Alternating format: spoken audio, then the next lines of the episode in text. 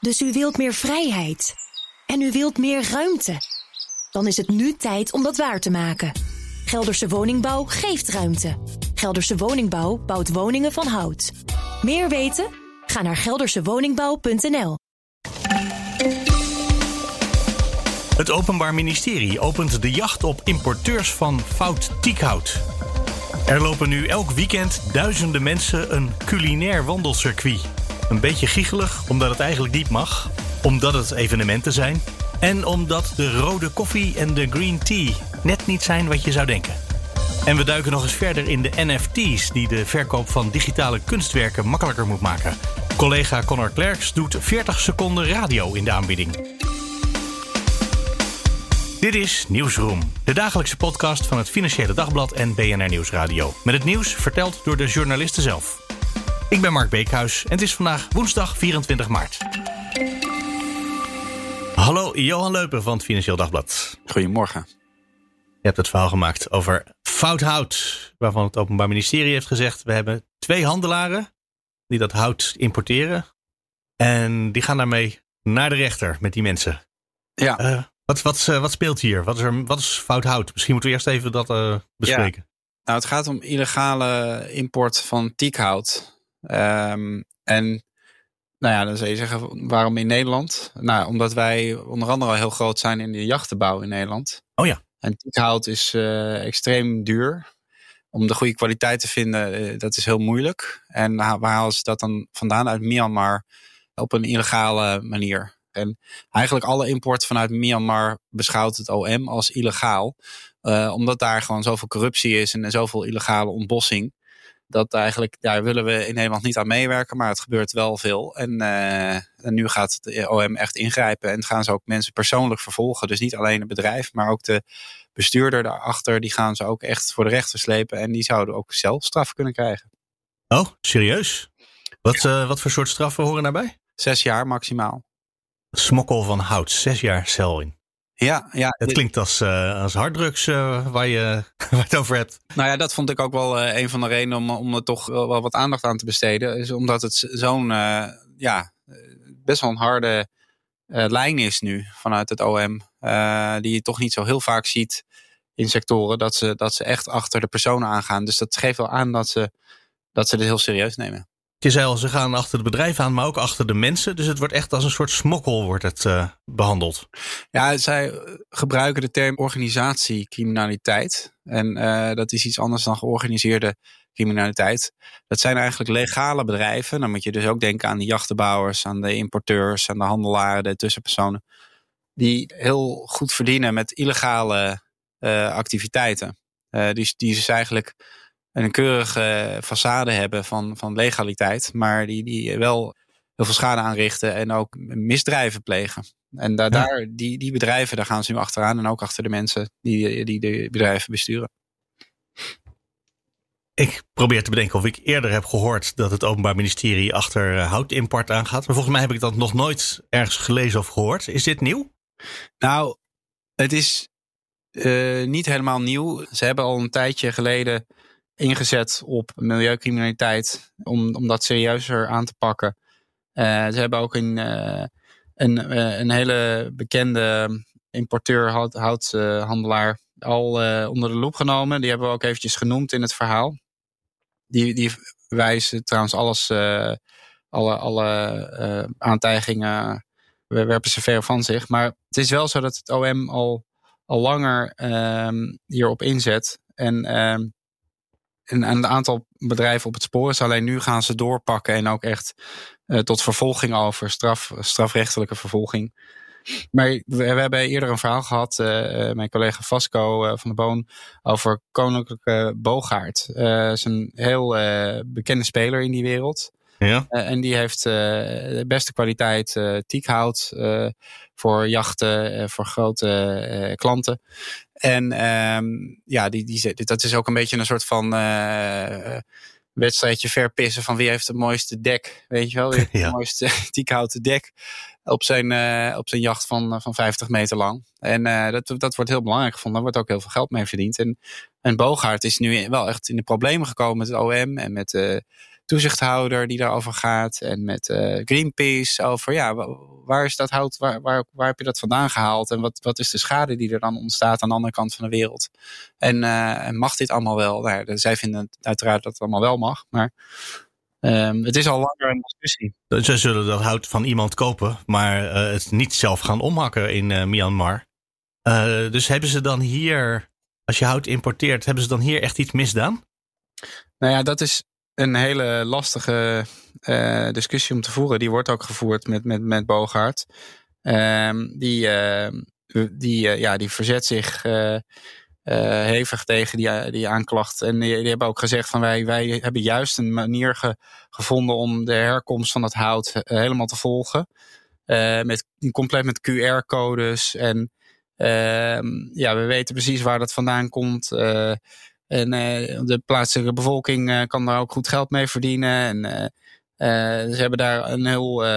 eigenlijk zijn ze zelf bezig om te documenteren van een soort manier om, te, om duurzaam hout te documenteren. Waar, waar komt het vandaan en hoe weet je wat je koopt? Uh, dus zij. Uh, zij vinden dat ze hartstikke goed bezig zijn. Dat ze hartstikke goed bezig zijn en dat ze juist legale import vanuit Myanmar aan het mogelijk aan het maken zijn. Maar het OM heeft gewoon een heel andere kijk erop. Die zegt van ja, alles wat daar vandaan komt is is illegaal, want, want het is een corrupt regime. Ja. En daar gebeurt bijna alle houtkap is daar illegaal. Uh, dus, dus het kan gewoon niet uh, dat je dat uh, op een legale manier hebt gekregen. En nou ja, dat wordt dus ook. Het probleem is denk ik ook dat, dat in Europa er zoveel verschillende opvattingen over zijn. Over wat, wat nou precies fout hout is. En wat wel en niet mag. En wat de straffen zijn. En uh, dat, hè, dus het is, het is ook een beetje een rommeltje eh, nog. Die hele handhavingsketen, zeg maar. Dit is iets wat elk land voor zich doet. Maar dit gaat natuurlijk ergens. Ergens komt dit Europa binnen. Vast niet via Nederland dan. Tsjechië in dit geval. Uh, in die zaak waar wij uh, het over schreven. Ja?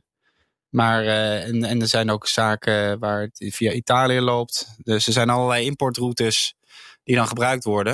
Uh, waarvan, en, waarvan de mensen weten dat het daar niet zo goed gecontroleerd wordt. Of dat ze het allemaal wel oké okay vinden. Ja, of, of, of, of dat het daar eigenlijk gewoon goed gevonden wordt. Uh, en in Nederland niet. Ja, maar als je dan vanuit die route gaat, dan uh, ja, dan, dan, ben je een beetje creatief bezig. Maar uh, het is ook natuurlijk een teken dat er helemaal geen uh, eenduidige kijk op is van wat mag nou en wat mag niet. En wat, wat zouden de straffen moeten zijn.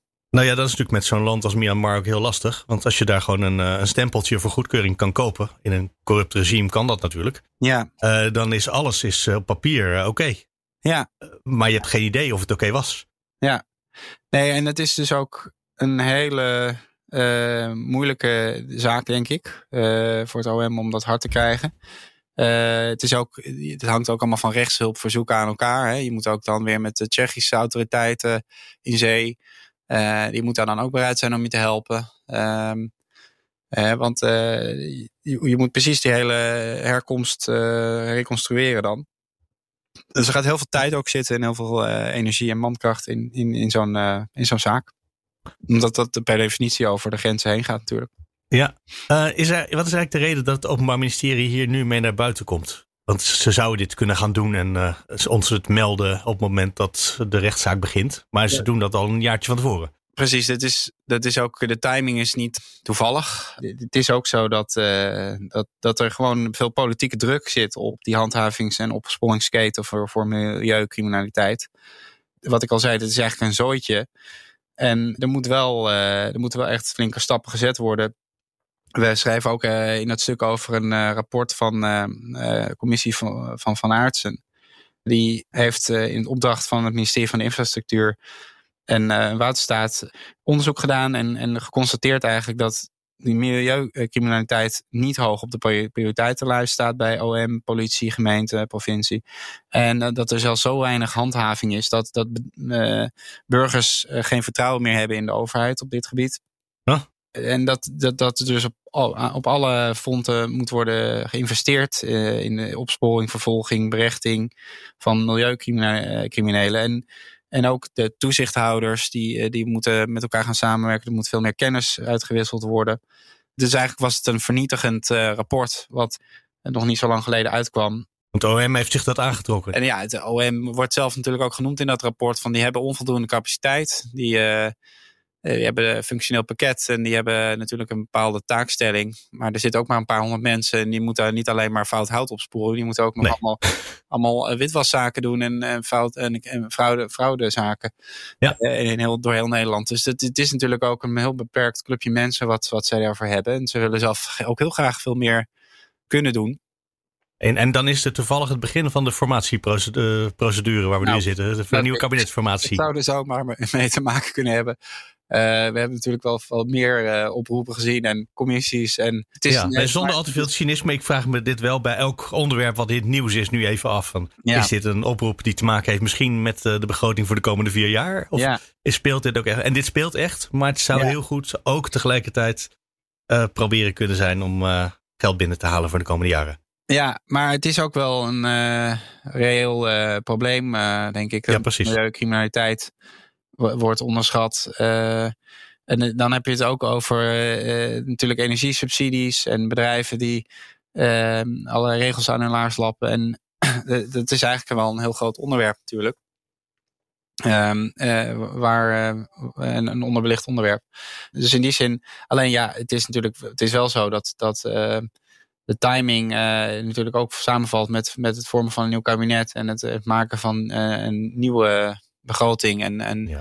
dat is ook uh, heel veel getouwtrek en heel veel geruzie van wie, wie is het belangrijkste en wie heeft het belangrijkste probleem om op te lossen en wie heeft het geld het hardst nodig. Zij hebben in deze sector het geld in ieder geval nodig. Blijkt wel uit het rapport van de commissie van artsen. Dat, zo ja. kunnen we het toch op minstens zeggen. Ja, ja.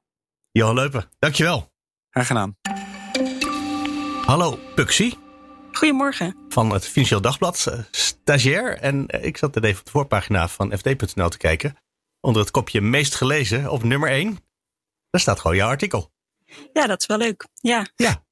Je hebt door uh, Brabant, door Den Bosch, heb je gewandeld. Dat klinkt nog niet als een heel heftig nieuwsverhaal. Maar het is wel een heel mooi, een mooi verhaal wat goed inkleurt hoe op het ogenblik mensen omgaan met de coronacrisis. Vertel waar je heen geweest bent. Nou, ik was naar, naar Den Bosch om daar culinair te wandelen. Want nu we eigenlijk alleen nog maar kunnen eten, drinken en wandelen, zijn er een aantal ja, slimme ondernemers samen met horeca-eigenaren op ingesprongen. En die bieden wandelroutes aan waar je langs de route af en toe wat te eten en soms ook wat te drinken kan halen. Dus dacht ik, ga eens even kijken hoe dat eraan toe gaat. Dan denk ik ook meteen dat je langs zo'n wandelroute op allerlei plekken niet alleen mensen gesproken hebt, maar even geproefd wat ze daar aanboden. ja, ik heb, ik heb vooral koffie gedronken. Uh, Thaise garnalensoep is niet aan mij besteed als vegetariër. Maar oh nee. hoorde van de wandelaars dat het allemaal heel erg lekker was. Dit klinkt wel als een evenement eigenlijk. Ja. En die mogen op het ogenblik niet. Nee, precies. Toen ik daar naartoe ging, eh, toen uh, dacht ik, oh dit is uh, gezellig, leuk. En toen ik daar aankwam bij de eerste eerste, eerste tentje, daar kwam eigenlijk meteen de eigenaar naar buiten. Die zei, hm, kan je misschien naar de volgende route lopen? Want gisteren waren er al boa's controleren hier op het alcoholconsumptieverbod. En nou, daar in Den Bosch uh, zwong een beetje het gerucht rond dat dit eigenlijk niet mag. En toen dacht ik, dat is wel interessant. Heb je dat uitgezocht of het mag? Ja, ik heb gisteren een aantal gemeenten gebeld en het Veiligheidsberaad. En het Veiligheidsberaad kon mij vertellen dat evenementenbeleid, ja, dat, dat wordt gemeentelijk afgesproken op gemeentelijk niveau. En alle gemeenten die, die ik belde, die zeiden ja, evenementen die zijn verboden door corona. Dat mag niet. Maar zijn een aantal gemeenten, als je dit heel los organiseert, dus als je een ticket reserveert voor een langere periode, dus over een heel weekend of een hele maand, zonder tijdslot, zodat horeca-eigenaren niet van tevoren weten wanneer je langskomt. En um, als er geen vaste menus zijn en als er wel restaurants zijn aangegeven, maar geen wandelroute, dan staan we het af en toe toe. En op zo'n wandeling ben ik ook geweest. Oh, dit is echt helemaal op de grens van wat er juridisch nog net kan. Ja. uh, om mensen toch maar gewoon zo'n wandeling door de stad te laten maken met dan elke 500 meter. Ja, het is geen kroegentocht, maar elke 500 meter en van een hapje of een drankje. Maar jij zei alcoholverbod, volgens mij tussendoor ergens. Ik dacht dat jij zei koffie en uh, garnalensoep, maar er wordt dus ook, uh, ook nog alcohol geschrokken tussendoor. Ja, dat klopt. Tenminste, stiekem wel. Ik zag dat er op sommige plekken witte wijn in plastic bekertjes werd geschonken. En dat er rode wijn in kartonnen koffiebekers rondging. Dus alcoholverbod. Ik weet het niet zo goed. En die witte wijn in plastic bekertjes onder de naam green tea. En de koffie en de rode wijn die ging onder de naam rode koffie, hè? Precies, dus ja. Dat, ja, het, het voegt ook wel iets van charme toe aan zo'n... Uh, nou, net niet helemaal ondergrondse actie. Ja. Ehm, het gaat half open, half gesloten. Ze gaan net iets verder dan de bedoeling is. Je hebt vast ook deelnemers gesproken. Mhm. Wat zeggen die? Zijn, waren die een beetje. eh, ja, waren die gewoon tegen de regels? Of vonden die, nou, deze keer kan het voor mij als enige heus wel? Hoe reageren ze? Nee, helemaal niet. Ze waren wel allemaal een beetje giechelig, omdat, nou ja, die rode koffie, dat mag natuurlijk eigenlijk niet. Maar heel veel waren ook gewoon eh, lekker aan het wandelen. Die zeiden ook, dit is het enige wat nu kan. Ehm, het is leuk om tegelijkertijd de lokale horeca-ondernemers te steunen. Dit zijn tentjes waar we normaal gesproken ook eh, een hapje komen eten. Dus nu kunnen we ze zo helpen en dat doen we graag. Oh, puur idealisme. Precies. Maar wel giechelig, omdat ze wisten dat het niet de bedoeling was. Ja. En als je daar dan rondloopt, vind je daar dan iets van? Of heb je, eh, want het is natuurlijk eigenlijk niet de bedoeling wat hier gebeurt. Maar mensen doen het toch en misschien kan het ook wel. Nou ja, of schrijf je het dan gewoon zo neutraal mogelijk op? Nou, ik schrijf het natuurlijk wel zo neutraal mogelijk op. Maar ik, ja, ik vind, vind ik er iets van. Ik snap ook wel dat de rekker een beetje uit is om in, ja, met dat cliché, eh, Ja, cliché erin te gooien. Ja, ja, voor zowel de mensen als natuurlijk die ondernemers. Ja, we hebben gisteren natuurlijk ook weer gezien dat eh, eh, de besmettingscijfers nog steeds oplopen. Dat er niets versoepeld kan worden, behalve één uurtje van de avondklok eh, klok afgesnoept. Ja. Als je dat dan weet, eh, denk je dan, ik ga ook meedoen met zo'n wandeltocht nog een keer, maar dan gewoon in mijn vrije tijd? nou, ik zag dat er toch best wel wat mensen ehm, voor de deur blijven hangen. En dan echt wel, ja, echt wel te dicht op elkaar. Mhm. En ik dacht, nou, dat is misschien dan niet zo verstandig om het nog een keer te doen. Oké, ja. Wat voor soort mensen deden trouwens mee? Eh, ik, ik stel mij voor dat de gemiddelde leeftijd hoog was, maar ik weet het niet. Ja, dat klopt. Ik, eh, ja, wat hoger eh, dan ik eh, als student nog. ja, dan is iedereen oud als je student bent. maar ik zag ook een, ja, ik zag een aantal men- mensen ook die hun kinderen hadden meegenomen. Dus Ja, we kregen natuurlijk ook van minister Hugo de Jonge gisteravond de opdracht om elke dag minstens een half uurtje een ommetje te maken. ja, Dus wat dat betreft past dit wel. Zit hier nog een follow-up in? Eh, nog een, eh, een verhaal wat hierna komt? nou, ik kan me voorstellen eh, dat het binnenkort in eh, een aantal steden toch niet meer mag. Ik sprak gisteren een gemeente, gemeente Groningen zei, dit mag echt niet. En toen dacht ik, volgens mij kan ik toch voor volgend weekend een wandeling bij jullie reserveren. Dus ik ben benieuwd hoe dat af gaat lopen. Oké. Buxy, dankjewel. Dankjewel. Hallo, Connor Klerks van BNR. Dag, Mark Beekhuis van BNR. Jij staat nu in de podcaststudio waar ik Ja. tot een jaar geleden elke dag stond. Ik is hier heel eenzaam, hij mist je. Eh, ik heb vandaag drie gesprekken, allemaal vanuit die studio, terwijl ik zelf thuis zit te werken. Ja, dus Jullie- jullie wel daar. eh, tegen te spartelen. Linkerkanaal van mijn koptelefoon doet het niet. Touchscreen werkt niet meer. Ehm, ik geloof dat hij een beetje aan het muiten is. eh. Het verval heeft ingezet. Ja. Nee, laten wij hoopvol naar de toekomst kijken. Jij bent bezig, bij wijze van experimentje, met het veilen van een, eh, een paar minuten op de radio. Zal ik ze gewoon eens even laten horen, dat mensen weten wat ze kunnen kopen? Ja, lijkt me goed. BNR Nieuwsradio. You can't touch it, but you can own it. Told you you had to pay attention. So what exactly is an NFT? Now, NFT, NFT stands, for non-fungible token. token. Tokens are digital tokens that enable true ownership of any kind of digital asset. asset that has been verified using blockchain technology. Whoa. So, Carl, a gold rush here, even though it's a little hard to explain what the gold is. De toekomst is hier. Ik had er ook meer van verwacht. Nou, ehm, dit kan je op de radio gewoon horen. Ik zou zeggen, dat voldoet meestal wel voor mij. Je hoort iets op de radio. Je zou het zelfs kunnen downloaden nu het zit in een podcast. Ja, het staat ook eh, los online. Het staat los online. Je kan het gewoon, ehm, je kan het hebben. Je kan het hebben, dat, eh, dat, is, eh, dat is de kern ervan, inderdaad.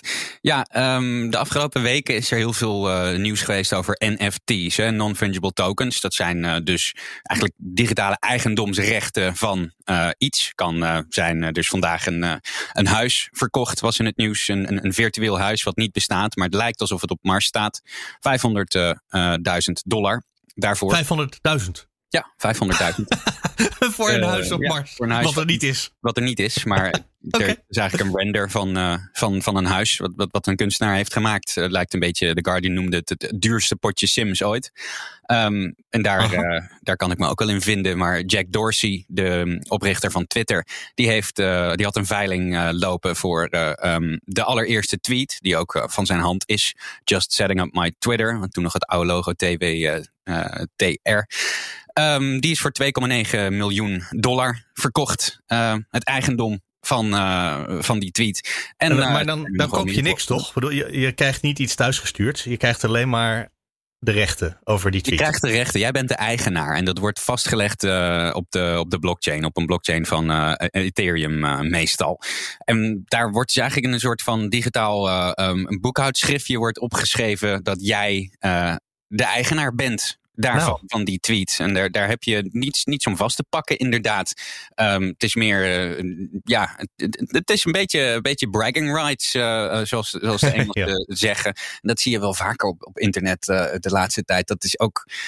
Dat is gewoon een ding op internet. Net als met, met GameStop zag je op Reddit mensen die eh, ehm, het aandeel GameStop kochten op eh, het, het absolute hoogtepunt. Eh, dus willen ze een Ja. beetje hun, hun, hun geld weggooien. En daar blij mee waren. Want ik kreeg heel veel likes en dan, dan was je heel cool die dag op Reddit. Maar met die NFT's is nog wel wat meer aan de hand. Want die worden ook weer doorverkocht vaak. Mensen kunnen dan bijvoorbeeld een digitaal kunstwerk kopen. En die verkopen het dan een jaar later opnieuw eh, als NFT. Opnieuw in, in, in zo'n veiling. En dan kan het veel meer waard eh, zijn geworden. Dus Een beetje zoals in de, de reguliere. Zoals in de gewone kunstwerk. Eh, ja.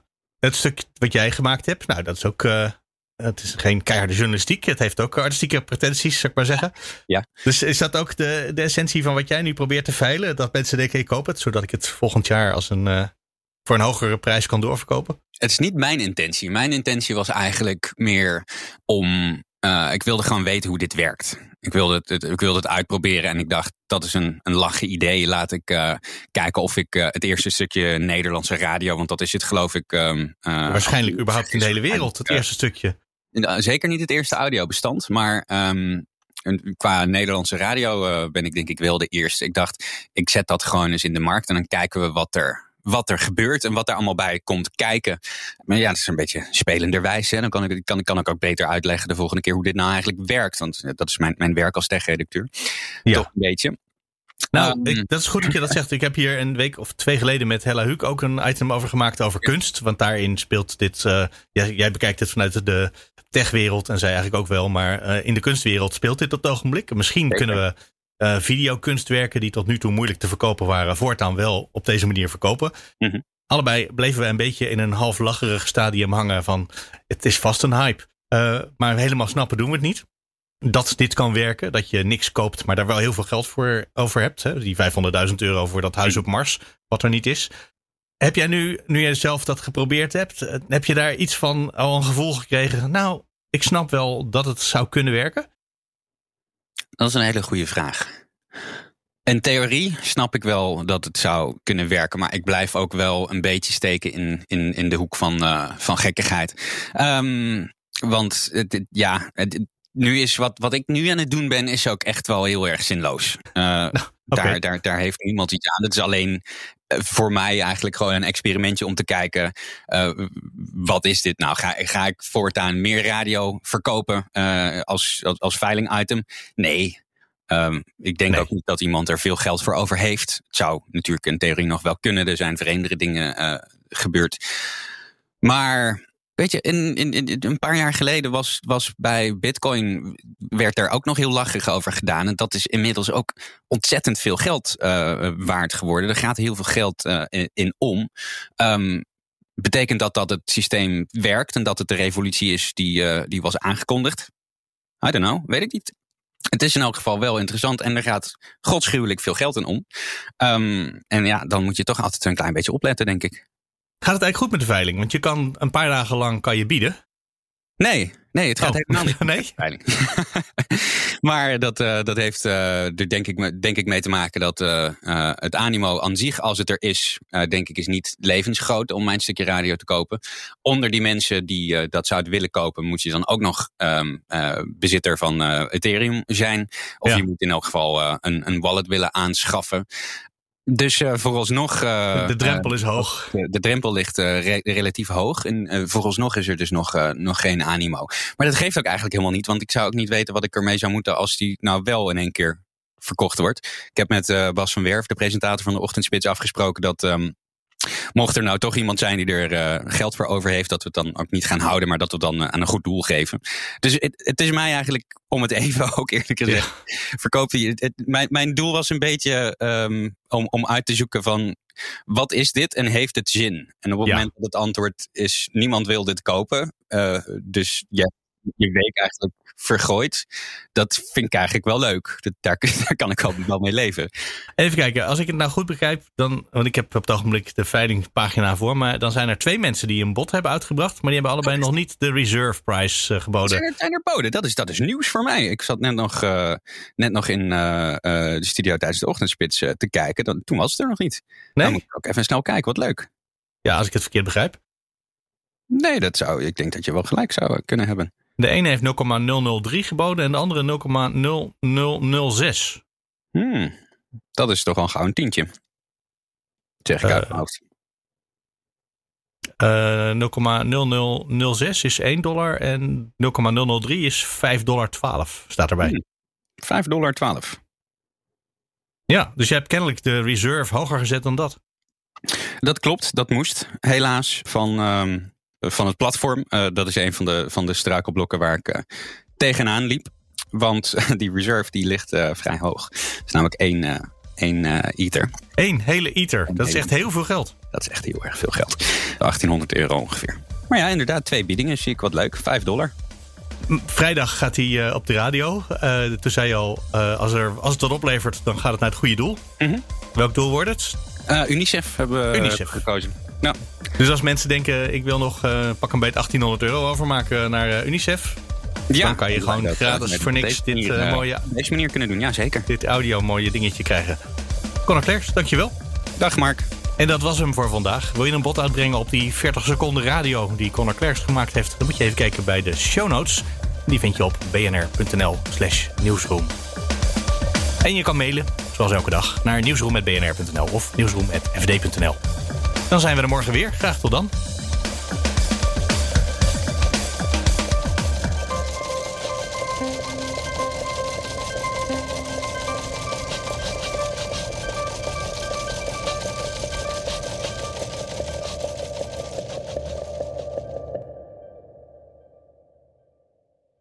Dus u wilt meer vrijheid. En u wilt meer ruimte. Dan is het nu tijd om dat waar te maken. Gelderse Woningbouw geeft ruimte. Gelderse Woningbouw bouwt woningen van hout. Meer weten? Ga naar geldersewoningbouw.nl